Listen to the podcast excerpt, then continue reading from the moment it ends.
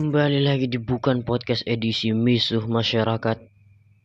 Konten ini dibuat secara tiba-tiba dan dadakan karena saya baru melihat banyak sekali orang-orang tolol yang berkeliaran di muka bumi ini, khususnya Indonesia. Saya buka-buka Twitter untuk mencari eh, lelucon-lelucon, untuk melihat perkembangan terkini, untuk sekadar melihat tweet-tweet yang ada di timeline sampai akhirnya saya melihat ada lagi orang-orang orang-orang orang tolol orang-orang ba bangsat yang coba berhentiin truk. Truk panjang ini tuh truk yang untuk angkat mobil atau motor yang berjejer banyak gitu. Dan diberhentiin sama banyak orang-orang lagi. Banyak sekali maksudku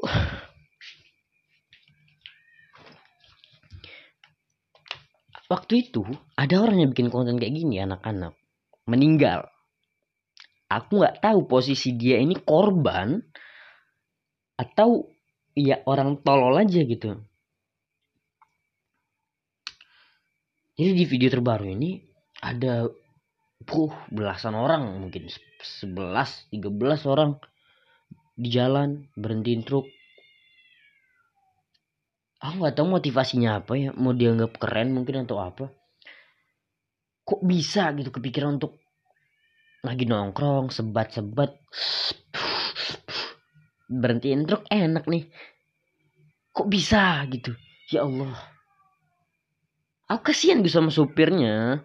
Dan pada akhirnya truk itu tuh nggak nabrak bajingan-bajingan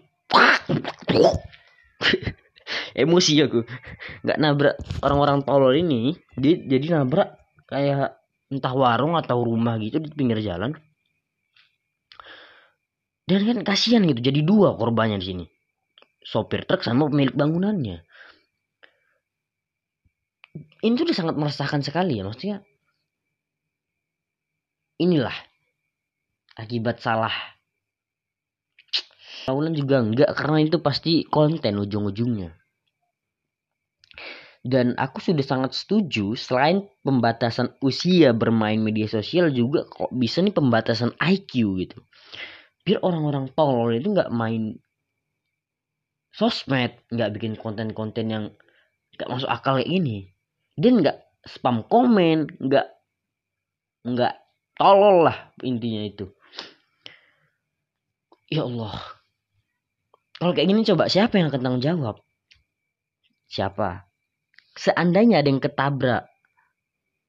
Nah, siapa yang tanggung jawab juga gitu maksudku aku nggak akan menganggap orang yang bikin konten ketabrak ini bakalan jadi korban karena maksudku dia meninggal karena kebodohannya sendiri ya bukan risiko itu bukan risiko tapi itu adalah paket bundling gitu kau main ini mati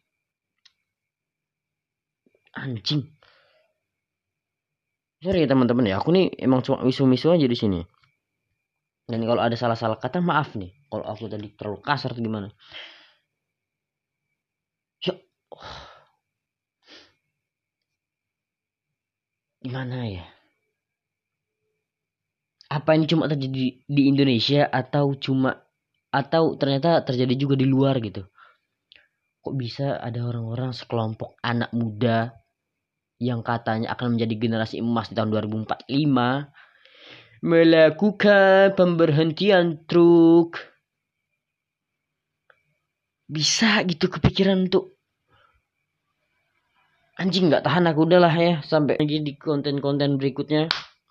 Tetap di bukan podcast. Jadi apa dong kalau bukan podcast